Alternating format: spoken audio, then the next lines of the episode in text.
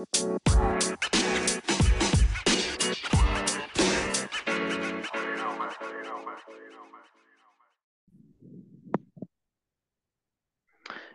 og velkommen til en ny episode av adventskalenderen NBS og Jordbrukspodden sitt samarbeid. I dag har vi vært så heldige å fått med oss uh, årets komet, nærmest, vil jeg si.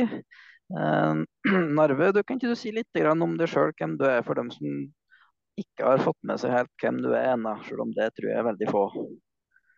Ja, jeg kan ta en kort runde. Først og fremst er jo ifra jordbruksområde nummer én i Norge, da. Det er jo Jæren. Og så har jeg jo hatt en litt sånn oppvekst knytta til gard. For onkelen min hadde jo gard eh, som var 100 meter nærmest naboen min, så jeg var jo stort sett der fra jeg var seks år til jeg var ja, iallfall 19-20 år. Og så sprang jeg selvfølgelig utenom, da. Så det er jo klart å Fikk jo fysisk aktivitet i barndommen, selv om det ikke var så spesifikt retta mot springinga. Men det definitivt hjulpet det på å få et uh, struktur i hverdagen òg. For uh, som toppidrettsutøver er du ute to ganger om dagen når du trener morgen og kveld. og Det var mye det samme når du skulle molke i fjor. så Det var jo morgenstell og kveldsstell. Det var tre timer hver gang, så du fikk liksom inn en struktur, og du måtte komme deg opp om morgenen. Mm. Og vi har jo ganske mye skiløpere òg som er oppvokst på, på gård, så det virker som at det kanskje kan være noe i den fysiske fostringa fra tidlig alder. At det i hvert fall ikke er noe bak, bakdel. Definitivt. Jeg tror det er viktig at det ikke er så spesifikt i start, men så er det jo verdt å legge til òg at det sørget for at det ble nok eh, nokså mye skader en periode òg hvor det ble for mye. For det er klart, når du er i fjose to ganger om dagen, og så i tillegg skal du trene to ganger om dagen, så kan jo går litt på bekostning av restitusjon, og da kan jo oppstå skader. Da, så det gjelder jo å finne en hårfin balanse. Men iallfall sånn, i starten av karrieren tror jeg det kan være fint, da, før ting blir altfor spesifikt. Mm. Men uh, du har vel jeg var er litt inne på det. Og det er jo litt sånn bønder, Mange bønder òg jobber jo på gården, ofte har en jobb attåt. Uh, og du har jo drevet og satsa skikkelig på toppidrett og løping, men samtidig vært litt altså Når man er i det sjiktet der man ikke er helt i toppen, litt under, er liksom jæklig god. Og så er det den økonomien å få hverdag og mm. økonomi til å henge i hop. Hvordan var det for det, der du måtte jobbe for å finansiere satsinga, på en måte? Det er klart en hårfin balansegang, for måtte jo jobbe for å få råd reise på treningsleir. Da måtte du jo opp tidlig, og da var det nødvendigvis sånn at du fikk kanskje litt for lite søvn. Da sier du sov seks-sju timer, men du aller helst ville hatt ni timer. Og så fikk du ikke noe veldig restitusjon før første økta, og så var det jo på'n igjen i fjor som på ettermiddagen, og da var det jo rett ut på trening etterpå. Så klart, du fikk jo ikke hvilt mellom slagene, men samtidig trengte du pengene for å komme deg på treningsleir. da. Så for min del så endte det opp med veldig mye skader det siste året, og da fant jeg ut at jeg måtte rett og slett ofre den avløsninga til fordel for springinga. Og så fant jeg en annen jobb da, som var å selge sko, og så var det litt mindre belastende for kroppen. Og litt sånn mer gunstig arbeidstid med tanke på at du slapp å stå opp i seks eller sju-tida. Ja. En delt arbeidsdag der, den er, den er ikke bare helt enkel, nei. Nei. Hvor lenge er det som du har satsa liksom, når du gikk uh, nærmest uh, all in? Hvor lenge har du satsa på løping all in? Jeg gikk all in i det jeg slutta å jobbe ja, sånn cirka i fra med 2019, kanskje, så det nærmer seg iallfall fire, fire og et halvt, nærmere fem år. da. Gått all in når jeg bare studerte i tillegg, da. men det er noe helt annet å studere enn å jobbe, for da styrer du hverdagen 100 sjøl. Men du kan lese når det passer deg, og det er ingen frister henger over deg utover at du må ha noen viss innlevering, men du får liksom ikke det krav om at du må stille den og den plassen til den og den tida, og så utføre det, det arbeidet. da. Mm. Du, eh, vi eh, er jo litt på adventskalender her. Hvordan er det inn mot jula å være toppidrettsutøver? Og i forhold til sykdom, trening, og tar du noe Klarer du å få en normal jul, eller hvordan blir det for det? Jo, det er absolutt en veldig fin tid rundt jula, for det er jo på denne tida året vi trener mest når det kommer til mengde. Så det er det vi kaller for en baseperiode eller mengdeperiode, så mengden er jo høy, og du trener mer enn du gjør på sommeren, men ikke fullt så hardt nødvendigvis. Da, da passer det godt at det er mye god mat, mye feit mat og ting som holder hjula i gang, rett og slett. Da, så du kan gjerne legge på deg et par kilo ekstra i hjulet for å være ekstra robuste. Spesielt for å ikke bli syk og skada i denne perioden av året. Da. For det er jo så fryktelig mye som reker rundt nå, så det gjelder være blir litt robust. og funnet Hvis du spiser litt ekstra godt en periode og sover ekstra godt, så står du nokså standhaftig imot de fleste sykdommene som florerer nå. Mm. Er det ribbe det går i eh, som er tradisjonen med det, eller hva er du liksom oppvokst med? Nei, nei, det er jo galen. Den der ribba, den uff, uff, det er pinnekjøtt. Og billig grisekjøtt takker seg til, vet du. Nei, den styrer vi langt unna her. det var ingen tvil, nei. Skal ikke noe ribbe inn i heimen her. Men hvor viktig er det her med mat og et sunt kosthold og riktig ernæring i din treningshverdag? Det er klart det er viktig, det, men som jeg sier, spesielt i denne perioden på året, så er det viktig å få i seg nok. Da. Så ikke faen om du kanskje får i deg bitte litt for mye, men det gjelder jo å fylle på. og så Litt sånn periodevis da være ekstra robust nå på vinteren, og så er det jo klart på sommeren trenger du nødvendigvis ikke så mye, men uh, få i seg nok, få i seg de rette næringsstoffene, få i seg uh, ja, prøve å finne kortreiste produkt, rett og slett, og så ikke er for mye bearbeidet. Så prøve å gjøre det enkelt. da, så Få melkeprodukt fra sånn gassutsalg i nærheten, du får kortreist lokalt kjøtt, og du får grønnsaker som er produsert i hagen, nærmest, holdt jeg på å si. Prøve å få en variasjon der. Mm.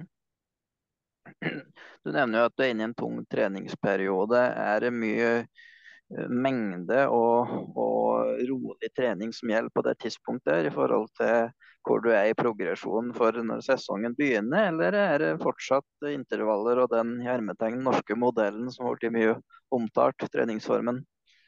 Ja, det er absolutt. Som jeg sier med mengdeperiode, så er det fremdeles intervaller. Vi springer fem til seks intervaller i uka, men det er ingen av de som er veldig harde. som holder oss jo på denne berømmelige terskelintensiteten på iallfall fire av de på tirsdag og torsdag. Så kan du springe litt hardere blod ennå, men det er jo som sagt mengde, men samtidig så får du mye intervaller. Du får jo spesifikke fart sånn sett, men du prøver å ikke produsere noe nevneverdig med melkesyre, stort sett. Mm. Nå er det jo 1500 meter som er din uh, go to-distanse, men du løper jo litt lengre distanser. Hvilken uh, vurdering gjør du for neste sesong? Er det 1500 som er pri én, eller endrer du trening litt for å bli bedre på lengre distanser? eller hvordan, hvordan vurderer du det? Ja, 1500 meter er førsteprioritet, men så kommer du til EM i juni. Du håper å kunne springe 5000 der, og så er planen å kvalifisere til 5000 i OL òg, men prioriteten blir 1500. Det som er så fint, da, fra 1.10 til 1. mai så trener du akkurat likt med vår modell om du springer 1500, 5000 eller 10 000. Det er når du kommer til meg og i sesong at du foretar sånn ørsmå justeringer gitt hvilken distanse du skal satse på. Så jeg trenger egentlig ikke bestemme meg for meg, da, men allerede nå skal jeg jo si jeg håper jo å kunne satse mot 1500 og ha det som prioritet. Mm. Det er jo kanskje litt interessant for de av oss som er mer mosjonister og er med på litt løp og sånn, så er det jo ofte fem, sju og ti kilometer og sånn som er sånne vanlige gateløp og sånn. Så, så, du tenker at den treningsformen med hovedsakelig intervalltrening og ligge på eh, sånn som dere gjør, det, det, fungerer opp mot løp opp mot en mil? Definitivt, og for så vidt lenger enn en mil. Om det er klart skal du springe halvmaraton og maraton, så må du legge inn litt mer spesifikke lange turer for å tåle å springe på den hastigheten i en gitt distanse. Men det er klart, har du god terskel, trener du med på terskel, så får du automatisk god kondisjon. og Det er jo stort sett det som gjelder for folk flest på fem, fem kilometer, ti kilometer mosjonsløp rundt omkring. Mm. Eh, fordi muskulært så er det for korte distanser til at det er det som blir utfordringa. Eh, eller eh, hvordan, hva er det som er utfordringa di på slutten av et løp når du skal inn i, spurten? Er det kondisjonen som stopper, eller er det muskulært at den liksom blir beint stiv? Eller, det henger selvfølgelig i hop, men eh. ja, ja, selvfølgelig. selvfølgelig. Klart, Distansen er jo ikke et problem, for vi jogger jo sjelden mindre enn 10 km. Så når du kjenner det butter imot på 5000, så er det ikke distansen i seg selv som er problemet, det er jo melkesyrenivået som begynner å bli så høye at du holder på å spy, rett og slett. Da. At det er den ubehaget du får av å ha så høye melkesyrenivå i blodet. Det er mange måter du kan forhindre det, men det som hjelper aller mest, er jo å ha en god kondisjon. da. For Dess bedre kondisjon og bedre terskelfart du har, dess lenger går det før du får melkesyre på det som er 5000 fart. Og så er det klart, du må jo springe en del på den farten du skal ha konkurranse òg, da. Men det gjør vi stort sett ikke før ja, sesongen nærmer seg i mai, da når du ja, tar mer den spesifikke biten og bestemmer deg for hvilken distanse du skal satse på, og så kjører du kanskje litt spesifikke baneøkter inn mot den distansen du satser på. Mm. Du, litt nysgjerrig på sånn, eh, sånn mentalt nå. altså Idrett er jo én ting er jo eh, form og den, men mye sitter jo i hodet òg. Eh, Mm. eh, er det nå når du liksom har slått skikkelig gjennom? Du har jo vært styggo i mange år, for vi man fulgt med litt, men liksom, det er noe med det når man er oppe og tar medaljer. Da er det liksom et annet eh, nivå. Det har du sikkert merka mediemessig og sånn. Eh, tror du at det liksom bare bygger opp at du bare kommer på en god stream, eller føler du litt på litt den nervøsiteten for at klarer du å prestere like godt neste år, liksom? Ja, det er klart det tvege. Altså, det er jo både og, men jeg kjenner aller mest på at når jeg har vist at jeg har det nivået inne, og kjenner på et press overfor meg sjøl, at jeg skal levere så bra i alle år fram, men ikke minst har jeg lite press på å levere sånn når det kommer til, til litt media, hva de forventer. Da. Jeg tror det er fint å ha det som et lite sånn pressmiddel i hverdagen, men det er klart det kan jo gå på bekostning av roen òg, at det kanskje blir litt for stor press. Men enn så lenge så får jeg klare fint å balansere det. og personlig nå så forventer jo sikkert både jeg og norske medier at det blir jo medalje i OL neste år. Og det er jo litt av det hengende over seg, men samtidig så må du det òg for å faktisk få det til. Og Det var litt sånn måtte bestemme seg før han tok medalje i VM at han skulle ta medalje. Hvis ikke hadde det iallfall vært vanskelig. Så går det ikke, så går det ikke, men du må iallfall si på forhånd at det er det som er det uttalte målet, og tro på det sjøl. Mm. Jeg har i hvert fall, jeg hvert fall trua på det, for å si det sånn. Og jeg har trua på det at gode prestasjoner det avler gode prestasjoner. Å komme inn i en flyt og har trua på at en, en får det til, da, så kommer en inn i en Mm. god winning streak. Eh, Mm. helt på tampen her, Narve, du, du nevner jo det at du er oppvokst i det skikkelige jordbruksområdet og arbeider på gard. Hvor viktig syns du det er at vi liksom ivaretar den her, ja, jeg skal kalle det det, bondekulturen, og at vi faktisk har matproduksjon rundt omkring i det ganske land og, og har nok mat til egen befolkning? Nei, det syns jeg er svært viktig at en tar det på aller høyeste alvor. og Jeg er litt vitne til det sjøl. Han onkelen som jeg snakket om, sa hadde den gården Han er pensjonert seg og nå står jo den gården tomme. Altså, det er jo ikke sky der lenger. Det var jo produksjon der for inntil tre-fire år, så du ser liksom en utvikling at mange gårder forsvinner både her i distriktet og i landet ellers, og så er det gjerne litt større gårder som sluker det opp. da. Så jeg tror det er viktig å opprettholde litt at du får en variasjon, en spredning av størrelse på gardbruk òg. At det ikke er bare de aller største, men at du får litt en blanding. Rett og slett, og At du klarer å opprettholde matproduksjon i land og ja, rett og slett se at vi klarer å være selvforsynt. Det mener jeg er ekstremt viktig. Mm. Det var gode avsluttende ord, syns jeg. Kunne ikke sagt det bedre sjøl. Og Da sier vi tusen hjertelig takk for at du tok deg tida til å være med her i dag. Og så ønsker vi deg lykke til. Så skal vi følge med og, og heie. Og så skal jeg kaste meg på mølla og se på tidene dine. Og, og se om jeg klarer å være bare 30% bak, eller noe i den duren. Det får være mitt mål. Er det godt? Takk skal du ha. Takk, takk. Hei, hei. Ha det godt.